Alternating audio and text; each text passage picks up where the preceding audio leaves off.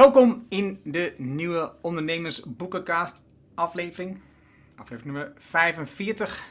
Lessen van een samurai van Björn Ares. Kijk, het boek in beeld als je naar de video kijkt. We hebben het allebei gekregen van Björn. Hij wilde per se de hardcover opsturen omdat dat zo'n mooi boek is. Hij heeft gelijk, het ziet heel mooi uit.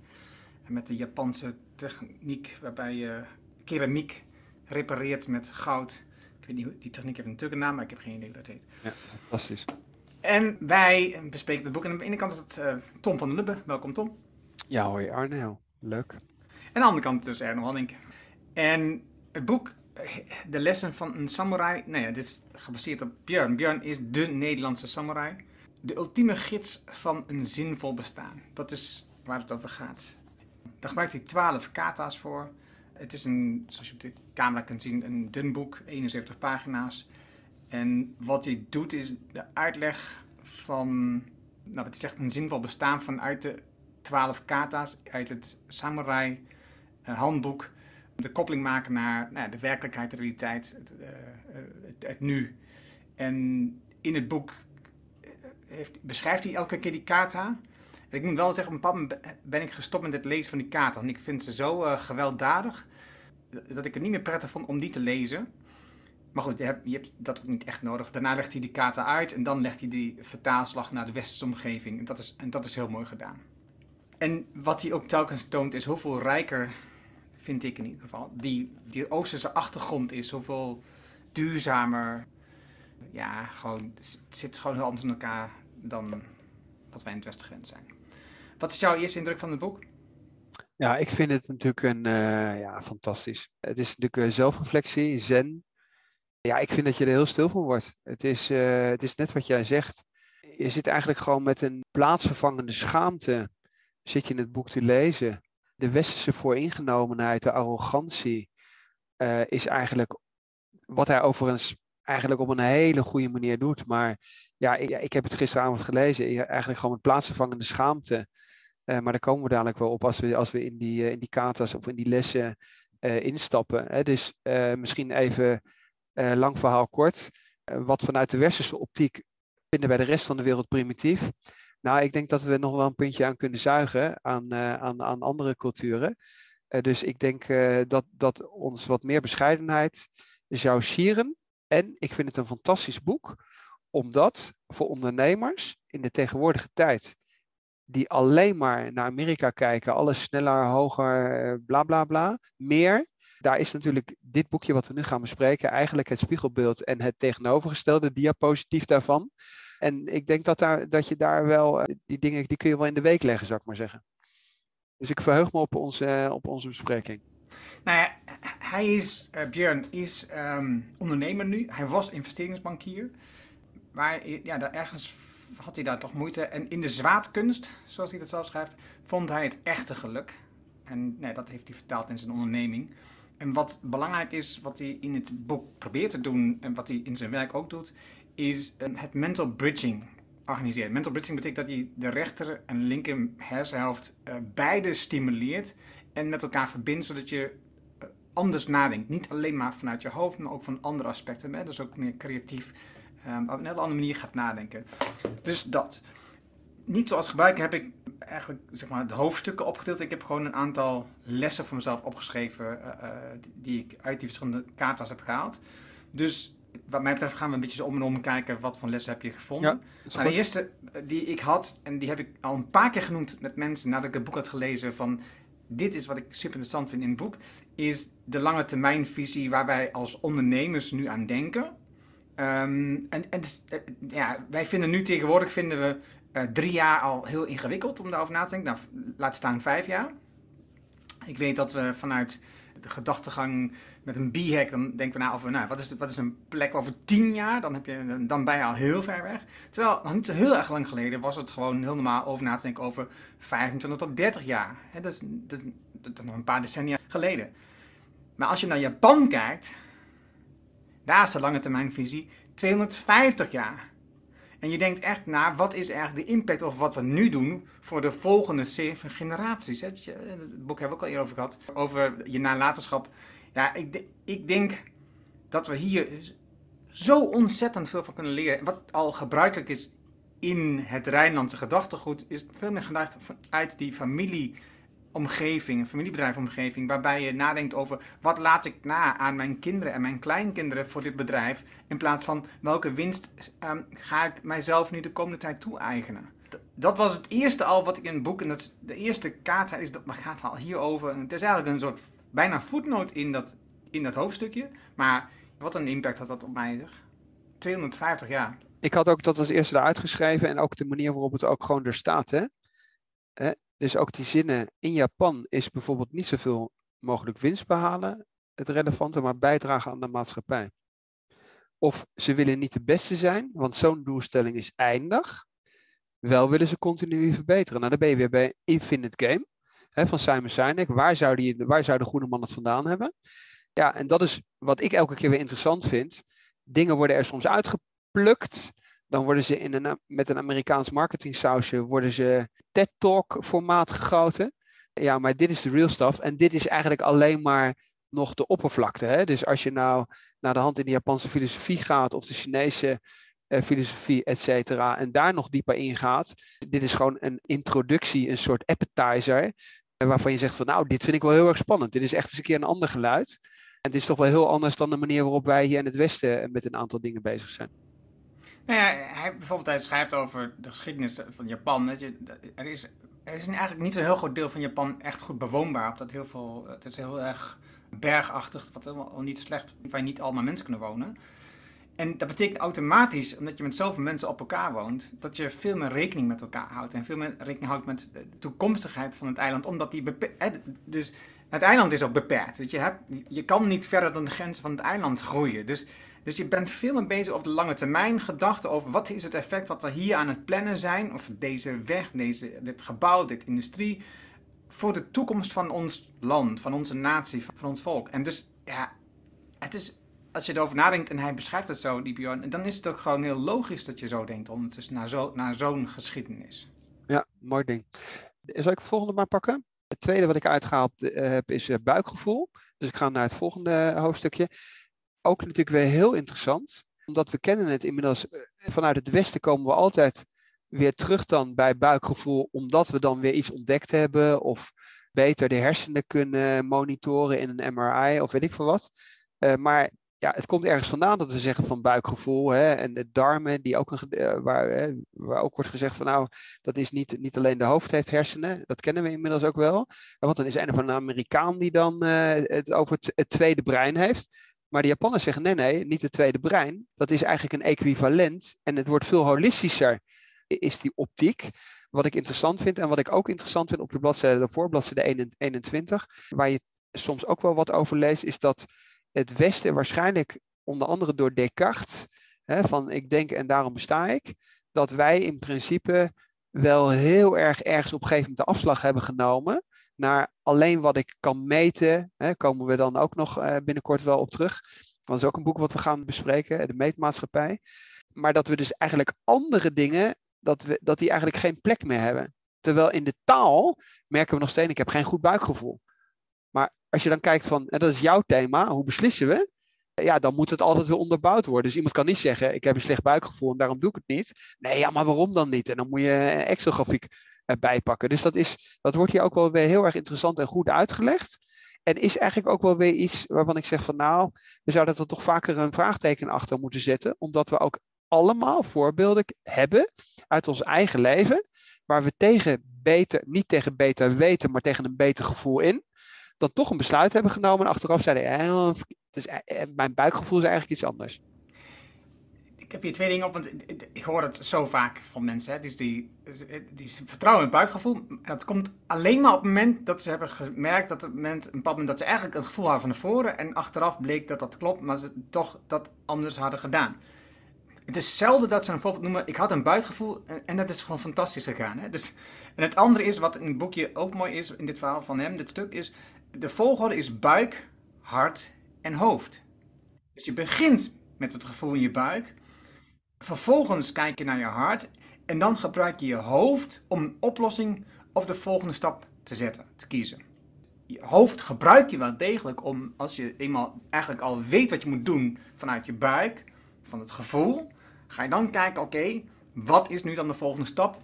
Logisch bedacht. Dus nog steeds wat jij zegt, als je een gevoel, een mens kom je af, maar waar kom, hoe kom je dan aan? Dan kun je dat gewoon logisch vanuit je hoofd benaderen. Dat is geen probleem. Als je maar eerst luistert naar wat zegt mijn gevoel. Ja, dat vind ik wel een hele goede aanvulling. Dat, want dat legt hij namelijk heel goed uit. Toen ik het zat te lezen, dacht ik misschien zouden we dat boek over darmen, wat, eh, wat toen zo'n bestseller is geworden, wat niemand had gedacht ook eens moeten bespreken, om dat aspect echt eens ook meer ruimte te geven. Omdat het echt in al die managementliteratuur uh, slaan we elkaar dood met Excel-tabellen, et cetera. Terwijl echt wel interessant is, omdat er nu ook best wel vanuit onze op, westerse optiek veel onderzoek naar gedaan is. Om, om dat misschien ook meer ruimte te geven. Eens. Oké, dan heb ik, ik, sla eentje over mezelf, maar dan, misschien pak jij zo meteen op. Uh, het andere die ik vond was interessant was het, het overgrote deel van de emotionele pijn die je ervaart als mens, die verzin je zelf. Dit is geen werkelijkheid, dat heb je gewoon in je hoofd bedacht. Hè? Je kijkt terug naar het verleden, wat allemaal gebeurd is, en denk je, oh, wat als dat ook weer gebeurt? Hè, dus je kijkt terug naar het verleden en je denkt aan de toekomst, oh nee, wat als dat, als dat zal gebeuren? Oh, wat dat, en dat zijn allemaal emotionele pijnen die niet bestaan, want het gaat over het verleden wat al weg is, of het gaat over de toekomst, wat de verwachtingen die je hebt, wat er zou kunnen misgaan. Terwijl als je, wat hij zegt, heel erg leeft in het hier en nu, ontdek je eigenlijk dat die pijn er helemaal niet is. En daardoor ontdek je ook dat er eigenlijk maar heel weinig echt dringend is. En dat is denk ik de meest mooie hieruit. De urgentie die wij onszelf opleggen. De urgentie die, de, die gewoon imaginair is, die niet bestaat, die hebben we gewoon zelf bedacht. Terwijl, als je levend hier nu een urgentie er juist uithaalt, ben je veel beter in staat om goede besluiten te nemen. Om goed na te denken, wat is een belangrijke stap voor de toekomst die veel verder gaat dan mij, nu en deze pijn. zie je overigens bij Victor Frankl hebben we dat ook besproken. Victor Frankl beschrijft en zegt, er is een ruimte tussen iets wat gebeurt en de interpretatie die ik eraan geef. En die vrijheid kan me niet genomen worden. Is hier exact dezelfde logica, alleen het is natuurlijk een mentaal spel tussen aanhalingstekens. En spel niet in de zin van dat het kleiner gemaakt wordt, nee. Maar het is een interpretatie die we daaraan geven. Ik vind ook dat hij dat eh, ook weer goed uitlegt hier. Ja, en het volgende boek wat we bespreken, dat is eh, De Hofnar. En dat boek gaat over zelfreflectie, dus dat gaat heel diep op dit aspect in namelijk. Oké, ik heb het eh, liggen, ik ben nog niet begonnen, maar het volgende. Oké, dan heb ik het volgende wat ik uit heb gepakt is uh, Leef van binnen naar buiten. Dat gaat heel erg over, over het definiëren van waarden. En dan ben je natuurlijk weer bij, uh, bij de filosofie. Ik ben een groot voorstander van de plichtfilosofie les op school, omdat dat heel veel zal oplossen. Omdat de mensen dan bewust zouden worden of we, zouden in, in de klassieke traditie opgroeien, dat we eerst eens definiëren waar sta ik voor, wat, wat spreek ik met mijzelf af, wat ik wil en wat ik niet accepteer, dat is waarden en normen. Uh, en van daaruit ga ik opereren. En als je dat namelijk helder hebt, en dat is in principe wat hij je ook beschrijft, dan, ik zeg niet dat het leven dan makkelijk wordt, want dat, daar gaat het, het gaat niet om dat een leven makkelijk wordt. Een leven wordt interessant en dat is overigens ook de kaft natuurlijk weer dat die breekbaarheid die in elk leven zit en alle uitdagingen waar je mee te maken krijgt, of alle problemen, uitdagingen is natuurlijk ook weer een, een andere context, maar het is altijd voor- en tegenspoed. Alleen de vraag is, wat, wat doe je daarmee? En als je natuurlijk vanuit je waarde opereert, dan geef je dat uiteindelijk ook een fundament. En wat staat hier? Leef van binnen naar buiten, zodat je je pad zelf kunt ontwikkelen. En vertrouw uiteindelijk uh, ja, in jezelf. Daar ligt de kracht. En beschrijft hij dat ook, dat je goed moet aarden en goed moet staan, et cetera. Maar mentaal gaat het ook echt om, uh, ja, wat heb je eigenlijk met je, ik zeg altijd, wat heb je met jezelf uh, afgesproken? Ja. Ik zei het aan het begin even dat hij het over die training had van die beide hersenhelften. En hij noemt hier een voorbeeld ik weet niet precies in welk hoofdstuk het is, maar dat heb ik als les opgeschreven, is dat het goed is om je niet-dominante hand heel bewust te trainen. Want door je niet-dominante hand te trainen, train je dus ook de hersenhelft die eraan gekoppeld is. En dat is waarschijnlijk de hersenhelft die je niet zoveel gebruikt, die je minder gebruikt. En hij geeft daarbij een voorbeeld van Toyota. En ik weet niet of het nog steeds waar is, maar eh, dus ik, ik vond het een heel mooi voorbeeld. De medewerkers krijgen elke dag de opdracht om een origami, dat is de papiervouwen, een kat te vouwen met hun niet-dominante hand binnen 90 seconden. En dat is heel bewust, want zo trainen ze beide hersenhelften. En dat geeft hun dus de kans om veel beter werk te verrichten in, in, op hun werkplek. Dus ik denk ook dat dit is iets. Het klinkt te simpel van woorden en haast weer erg in een soort doctrine dat je allemaal vaste regels, iedereen doet hetzelfde. En tegelijkertijd denk ik, eh, als het toch zo simpel zou zijn om mensen een opdracht mee te geven waarmee ze heel gemakkelijk elke ochtend even hun niet-dominante hand te trainen, dan wordt het zoveel simpeler om um, beter werk te verrichten. Maar je ziet het natuurlijk eigenlijk in al die culturen, of het nou yoga-oefeningen zijn. Het maakt allemaal niet uit wat het is. Of bepaalde bewegingen of tai chi. Kijk maar naar de, naar de Chinezen die morgens in het park en zo staan. Dat is eigenlijk in heel Azië zie je dat als je daar op reis bent. Het is natuurlijk, ja, ik denk het zou ons wel sieren daarnaar te kijken en te zeggen van hé, hey, als dat al duizenden jaren gebeurt, zou je daar iets mee kunnen? Dus ja, ik, maar ik vond het een fantastisch voorbeeld. Dat, dat, dat, dat enerzijds daar die, die auto's daar geproduceerd worden. En, en ik zat het te lezen, ik dacht, en dan zie je die vaklieden daar s'morgens, weet je, die dingen vouwen. Even fantastisch natuurlijk. Nou ja, ik, ik, weet, ik heb de exacte woord niet bij me. Hij heeft het ook nog over een moment dat die, dat die CEO van Toyota niet een nieuwe auto produceert, maar alleen een nieuw idee introduceert bij zo'n gigantisch evenement van Toyota. Dus, en dus daar gaat het over niet van, oké, dit is het nieuwe product en allemaal heel technisch vanuit het hoofd gedacht. Nee, dit is onze beeldvorming over de toekomst. Dit is waar we naartoe willen gaan. Dus dat is veel meer vanuit het hart en vanuit de buik georganiseerd. Ik wilde nog iets zeggen, want het zit in hetzelfde hoofdstuk. Voor mij is, ik heb zo 1, 2 kerndachten eruit gehaald. Voor mij zit de kern van het boek waarschijnlijk wel op bladzijde 39. Ook iets wat, hè, wat vaak terugkomt bij ons. Alleen het is mooi geformuleerd. Perfectie is niet er steeds meer bij doen. Perfectie is als er niets meer af kan. dus ik ben een groot voorstander van less is more. wat wij ook echt in de praktijk in het bedrijf proberen te implementeren.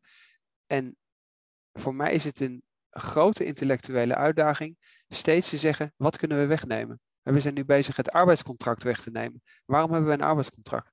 Wat kan ik weghalen? En bij het schrijven wordt het vaak gezegd, in de architectuur less is more, hè, dat je geen wand meer kunt weghalen. Dus de, de eenvoud, de schoonheid van de eenvoud, die we in, in een hele hoop gebieden zo ontzettend weten te waarderen. En eigenlijk in onze managementwereld, maar ook in onze bureaucratie, in onze regels, belastingen en alle andere shit. Het wordt steeds meer en uiteindelijk is meer niet meer. minder is meer. En dat is, vind ik hier, perfectie is niet er steeds meer bij doen. Perfectie is als er niets meer af kan. Ja. Nou, je, je had het over de essentie van het boek. Ook dit element van het boek heb ik er nu al een paar keer aangehaald. In het Westen is succes het resultaat. Dat is de conclusie van Björn. Door je daar te richten en met winstmaximalisatie als achtergrond ontstaat er dus werkdruk en haast. Dus omdat we dus succes als resultaat zien en dus winstmaximalisatie nastreven, is er dus continu werkdruk en haast. Met als gevolg dat je veel reparatiewerk verricht. Nou, jij eh, zegt net al, dus, eh, dus meer, meer, meer betekent eigenlijk dat je dus minder voor elkaar krijgt. En in Japan zegt nee, je hebt tijd genoeg. En dan komt het voor mij een super interessant stuk. Je piekt tussen je 70ste en 80ste. In plaats van met je 65 of 67 achter de grams gaan zitten. Je piekt tussen je 70ste en 80ste. Zelfs als je 10 minuten voor je sterft inzicht in het leven krijgt, ben je nog op tijd. Ik herhaal het nog een keer. Zelfs als je 10 minuten voor je sterft inzicht krijgt in het leven, ben je nog op tijd. Tot die tijd gewoon doortrainen. Voor mij was dit echt zo de kern van het boek en zo tegenstrijdig wat we nastreven in de westerse wereld. Zo hard mogelijk werken en op met pensioen gaan, dat je dan pas mag leven. En dat, dan ook het werk erop zit, dat je dan klaar bent als je met pensioen gaat. Waarom? Je hebt zoveel kennis en inzicht. Waarom zou je niet nog doorgaan met alles wat je hebt geleerd in je hele leven, om dat met mensen te delen, om dat nog verder te verbeteren? Waarom zou je niet gewoon, wat hij zegt, doortrainen? Fantastisch. Hoewel ik natuurlijk wel erbij moet zeggen, is dat het zit natuurlijk ook in onze westerse cultuur. Dus als je bijvoorbeeld naar de cultuur van de kloosters kijkt, waar je als monnik, als je het klooster intreden doet, afscheid neemt van al je materiële bezittingen, allemaal hetzelfde habit, hè, dat, dat monnikenkleed aandoet, wat mij betreft nog je hoofd kaal scheert. En eigenlijk in een bepaald heel strikt vast ritme. Hè, eh, denk bijvoorbeeld aan Umberto Eco, waar dat heel mooi beschreven wordt met de metten en zo, x keer per dag bidden. En dat is een soort, ja, ik wil niet zeggen dat het een soort trance is, maar die, regelmaat die naar de hand hier ook weer terugkomt met ritme, wat we ook van Toyota en zo kennen, dat zit natuurlijk wel in die westerse cultuur of heeft daar ook ingezeten. Alleen de vraag is van waar zijn we links of rechts afgebogen en hebben we helemaal geen connectie meer met ons eigen verleden? Is dat Descartes geweest of eh, verlichting? Eh, en hij haalt het hier in principe weer dan via een omweg naar boven. Maar je ziet het ook bij de Dalai Lama, je ziet het bij zen-meditatie, et cetera. Maar het zit ook bij de rozenkrans en het halleluja en zo zit het natuurlijk ook allemaal in. Oké, jouw volgende punt. Ja, wat ik fantastisch vind is natuurlijk, maar dat sluit natuurlijk ook heel erg aan op mijn eigen belevingswereld, bladzijde 42. Een leider is niet. Dat is de, even heel klein, uh, overigens hier voor de kijkers thuis. En dat vind ik echt wel, weet je, heb je lezen boek en dan heeft hij zo'n heel klein stukje tekst. En dan staat er, een leider management niet. In het Westen zijn management vooral bezig met de planning van en het budget. In Japan is leiderschap holistisch en betekent dat je verantwoordelijkheid draagt voor het bedrijf en dat je ervoor zorgt dat iemand op zijn bestemming komt. Bij tegenvallende resultaten is de CEO de eerste die zijn salaris halveert. Tussen haakjes, dat sowieso al een stuk lager ligt dan in het Westen. Als er iets niet goed gaat in het bedrijf, biedt hij zijn excuses aan in plaats van met zijn vinger te wijzen. En als je dat al zou doen, dan wijs je drie vingers naar jezelf. En als de Japanse CEO een propje papier op de vloer die ziet liggen, zal hij dat oprapen en in de prullenbak doen. Gewoon omdat dat normaal is. Een leider staat niet boven de anderen, maar is verantwoordelijk voor het geheel. Nou, dat zijn drie, vier zinnen, maar ik zou zeggen, ze staan als een huis. En ik denk ook dat dit gemiddeld genomen in een familiebedrijf ook wordt gehanteerd. Dezezelfde gedachtegoed, ditzelfde gedachtegoed. Dus dat, dus ik, maar ja, eh, als je kijkt naar het aantal familiebedrijven en de overheersende gedachte dat juist de aandeelhouderbedrijven, de, dat, dat die veel beter en groter en groter zijn. Ja, ik weet niet helemaal zo zeker. Ja, maar je hebt natuurlijk ook weer, waar wat we ook hebben besproken, is, uh, we hebben net Green On besproken. Moet je mijn show notes zetten op het boekje van Jaap-Jan Brouwer, over, ook over het leger. Of uh, Why Leaders Eat Last van Simon Sinek voor het Amerikaanse leger, daar is het wel nog steeds intact. dus het is ook daar weer, ergens zijn we van de weg afgekomen en zijn eigenlijk vergeten dat we met elkaar horizontaal moeten samenwerken. Uh, zoals dat hier net eh, eigenlijk beschreven wordt. En dat je je dienstbaar ten opzichte moet stellen van, van het geheel. De klant staat centraal even, ik ben het woord vergeten opzoeken. Het hoogste niveau van service. Daar is een woord voor, dat, heb ik, dat zal ik zo even opzoeken. Hiervoor word je opgeleid en heb je ontwikkelde medewerkers nodig. En, zegt hij, opgeleide en ontwikkelde klanten. En stel je bij iedere actie en beslissing in je bedrijf de vraag: is dit in het belang van de klant? Jij, noemde net al het, arbeidscontract. dus, dus is het arbeidscontract als, dat, als daar zo streng aan vast is dat in het belang van de klant? Of is het in het belang van onszelf of in het belang van regels en afspraken? Komt dat ons niet ten goede? Hou van je klanten en maak ze oprecht blij. Andere mensen geven namelijk de vervulling. De vervulling ligt niet in het feit dat je je loon mee naar huis neemt. De vervulling ligt in het feit dat je een klant blij maakt. Als medewerker, als manager, als eigenaar. Dat maakt niks uit wie dat doet. Dat is andere mensen blij maken. Dus als je een leider bent, dan maak je dus de medewerkers blij om hun te helpen naar de reis waar ze naartoe willen. En als medewerker maak je bijvoorbeeld de klant blij om een product te maken wat de klant verder helpt. Ik vind, eh, ja, het is bijna te simpel voor woorden. Ja, het voorbeeld wat er heel vaak eh, genoemd wordt, omdat iedereen dat ook goed kent, klassieke warenhuis. Dus in Japan moet het zo zijn dat je niet rondkijkt, of ook in een restaurant, maar dat degene eigenlijk aan moet voelen wat, wat de volgende vraag is die van een klant komt. En, die, en preventief die vraag voor is. Nou, ik moest vanmorgen even iets kopen in een warenhuis. En iedereen kent dat gevoel dat je ergens staat. Mensen zijn ergens of collega's met elkaar aan het praten, of ze, zijn, of ze staan met hun rug naar je toe, staan ze de schappen te vullen. Maar ze zijn niet met jou bezig. En dan loop je te zoeken of je iemand vindt die je kan zeggen waar je wat vindt. En in Japan is dat eigenlijk wat helemaal niet kan. Als je niet tijdig genoeg erbij bent en niet al preventief aanvoelt wat eigenlijk wat de volgende dienst is die je een klant kunt bewijzen, dat legt hij ook wel weer heel goed uit. En zegt ook wel iets over het kwaliteitsniveau wat door die maatschappij eigenlijk als acceptabel geldt. Ja, en het heet, even, dat was ik nog, uh, moest nog zeggen, Omo Tenashi. Dat is het woord waarin hè, dus de klant staat centraal. Omo Tenashi. Wat is jouw volgende les? Ja, wat ik heel erg interessant vind is ook de bekijk de hele berg blad, of bladzijde 49. En dan gaat het over snelheid van besluitvorming. Dus wat je tegenwoordig ook hebt is, en dan zitten we toch ook wel in de Amerikaanse context. Het gaat vooral om heel snel. Maakt niet uit hoe de beslissing is, maar veel vast. Nou, dan kun je nog zeggen van als je website test en zo moet doen, AB-testing. Voor de mensen die het interessant vinden, aflevering over boeking is echt even een ander verhaal. Maar als het om, zeker om strategische of andere vragen gaat, daar is het natuurlijk juist helemaal niet zo. Maar tegenwoordig gaat het om, ja nee, als het maar snel is en als het dan fout is, dan corrigeer je het wel. Nee, wat staat hier? Ook weer één zin. Reageer niet te vroeg, reageer niet te laat, reageer op het juiste moment. Wat is het juiste moment? Je leert dat vanuit je buikgevoel te bepalen. Nou, het is natuurlijk, ja, wat mij betreft ook, het staat weer als een huis. Heeft ook weer met ervaring te maken, het afwegen van dingen. Misschien dingen ook parallel uh, te doen, uh, uh, rust gunnen, nachtje over slapen. Nou, dat soort dingen worden allemaal uitgelegd. maar iedereen weet dat eigenlijk als ondernemer ook, dat het heel belangrijk is. Hoe belangrijker de beslissing is, hoe langzamer de besluitvorming moet zijn. Dus dat vond ik ja, fijn.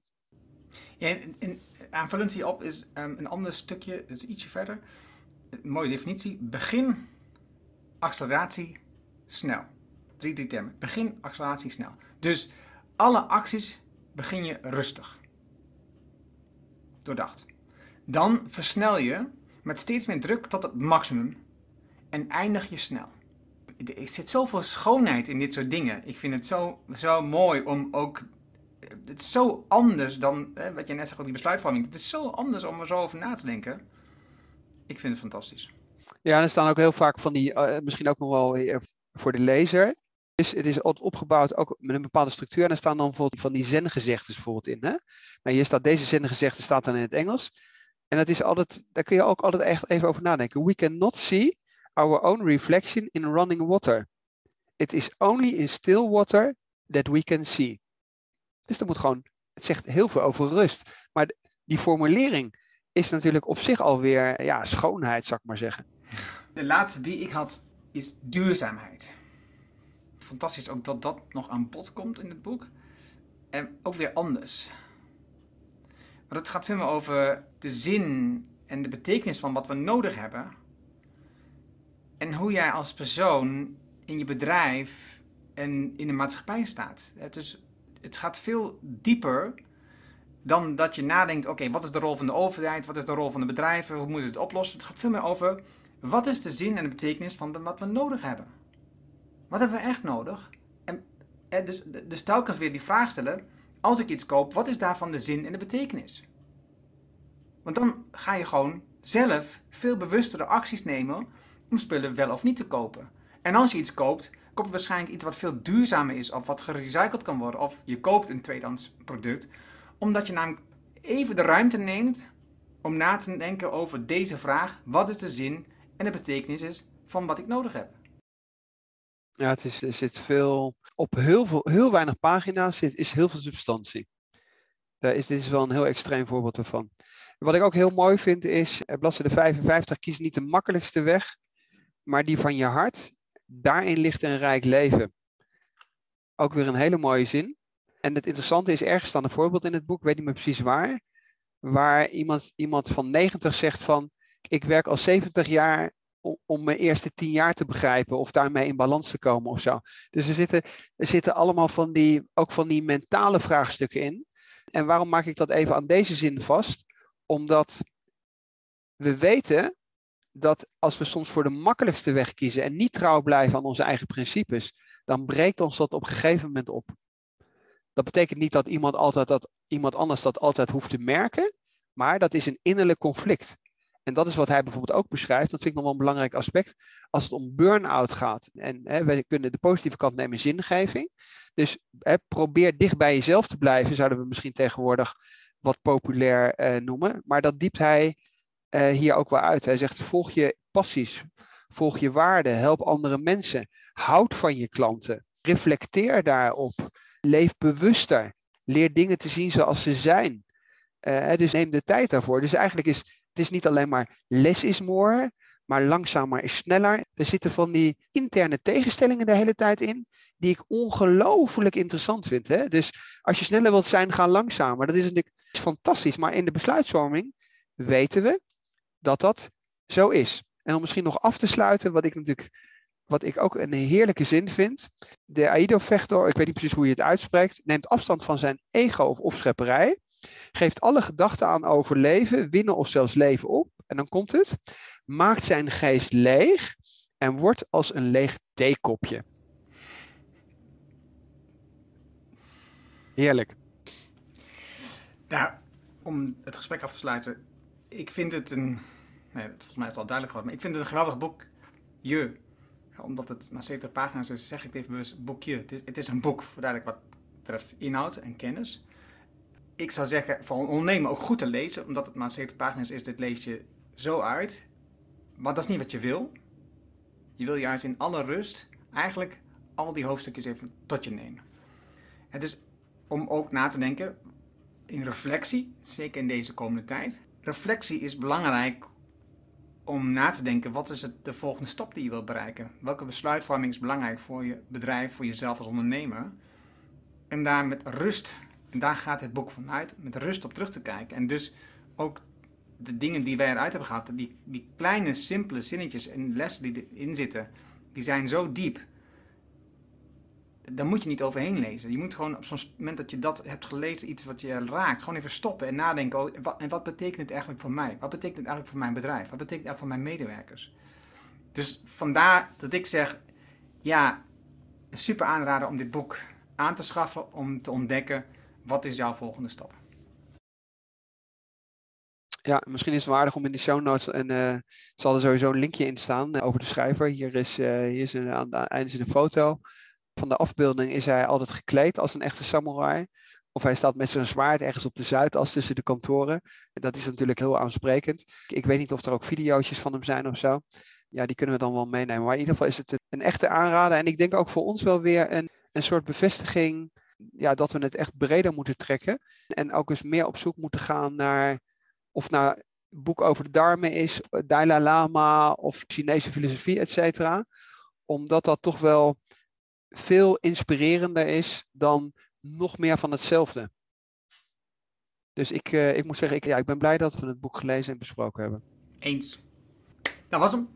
Ik uh, vond het super dat je luisterde. Dank je wel daarvoor. En heb jij een boek waarvan je zegt, nou, dit lijkt hierop of dit is juist niet van hetzelfde. We willen iets heel anders aan jou geven. Laat het ons weten. Laat het in de notities onder deze video of onder de opname waar je hem ook luistert achter. Of stuur ons een berichtje op LinkedIn, want daar zijn we het beste te bereiken.